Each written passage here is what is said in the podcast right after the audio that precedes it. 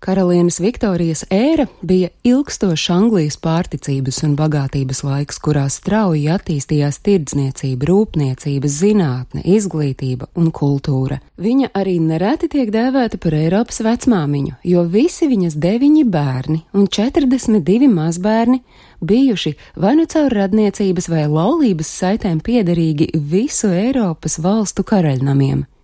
Viņa noteica toni tā laika sievietēm, gan ģērbšanās stilu, stīvās korsetes, gan uzvedības normas, likumība, izglītotība un pilnīga pakļaušanās vīrietim.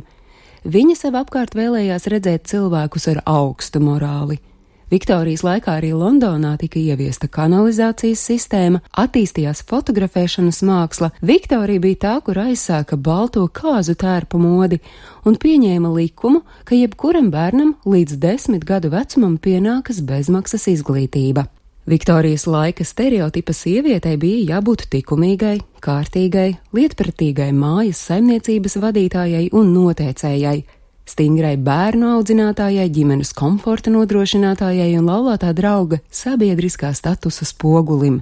Viktorijas laika jaunkundzei bija jāprot franču vai itāļu valoda. Viņai bija jābūt nevainīgai, likumīgai un apzinīgai. Jebkurai bagātai dāmai bija dienā jānomaina seši tērpi, atbilstoši dienas stundai un notikumam. Garderobē bija jābūt rīta pusdienas un vakartērpam, pastaigu, vizīšu, viesu pieņemšanas ceļojuma medību jūrmalas tērpam, jābūt arī tērpiem zirgu izjādēm, koncertiem, operai, protams, sēru tērpam un vēl virknei citu atbilstoši nepieciešamībai.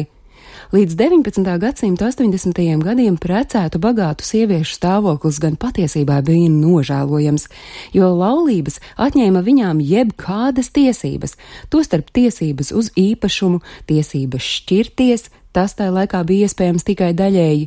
Tiesības pēc šķiršanās, ja tāda tomēr bija panākta, satikt savus bērnus, kas palika vīra pāraudzībā. Sieviete pēc šķiršanās tika pilnībā izstumta no sabiedrības. Kā jebkurā sabiedrībā, arī Viktorijas laikmeta dzīvē 19. gadsimta vidū bija otra puse - netik grēzna un pārticīga. Lai arī dzīves apstākļi bija smagi, arī trūcīgās sievietes centās ģērbties atbilstoši tā laika modes tendencēm pretēji augstākās sabiedrības dāmām, kuras ballēs parādījās vienā un tajā pašā kleitā labija kādas pāris reizes, un pēc tam šuva jaunu tērpu, strādājošās sievietes tērpus pāršuva, pārkrāsoja un lāpīja. 19. gadsimta 70. gados darbojās dzelzceļa satiksme, telefons, pasts, dzīvē bija ienākuši arī tādi jaunumi kā fotokamera, šujmašīna, rakstām mašīna, mākslīgais zīds un divritenis. Tas bija jauns, dinamisks pavērsiens sabiedrības dzīvē, un cilvēku domāšana mainījās.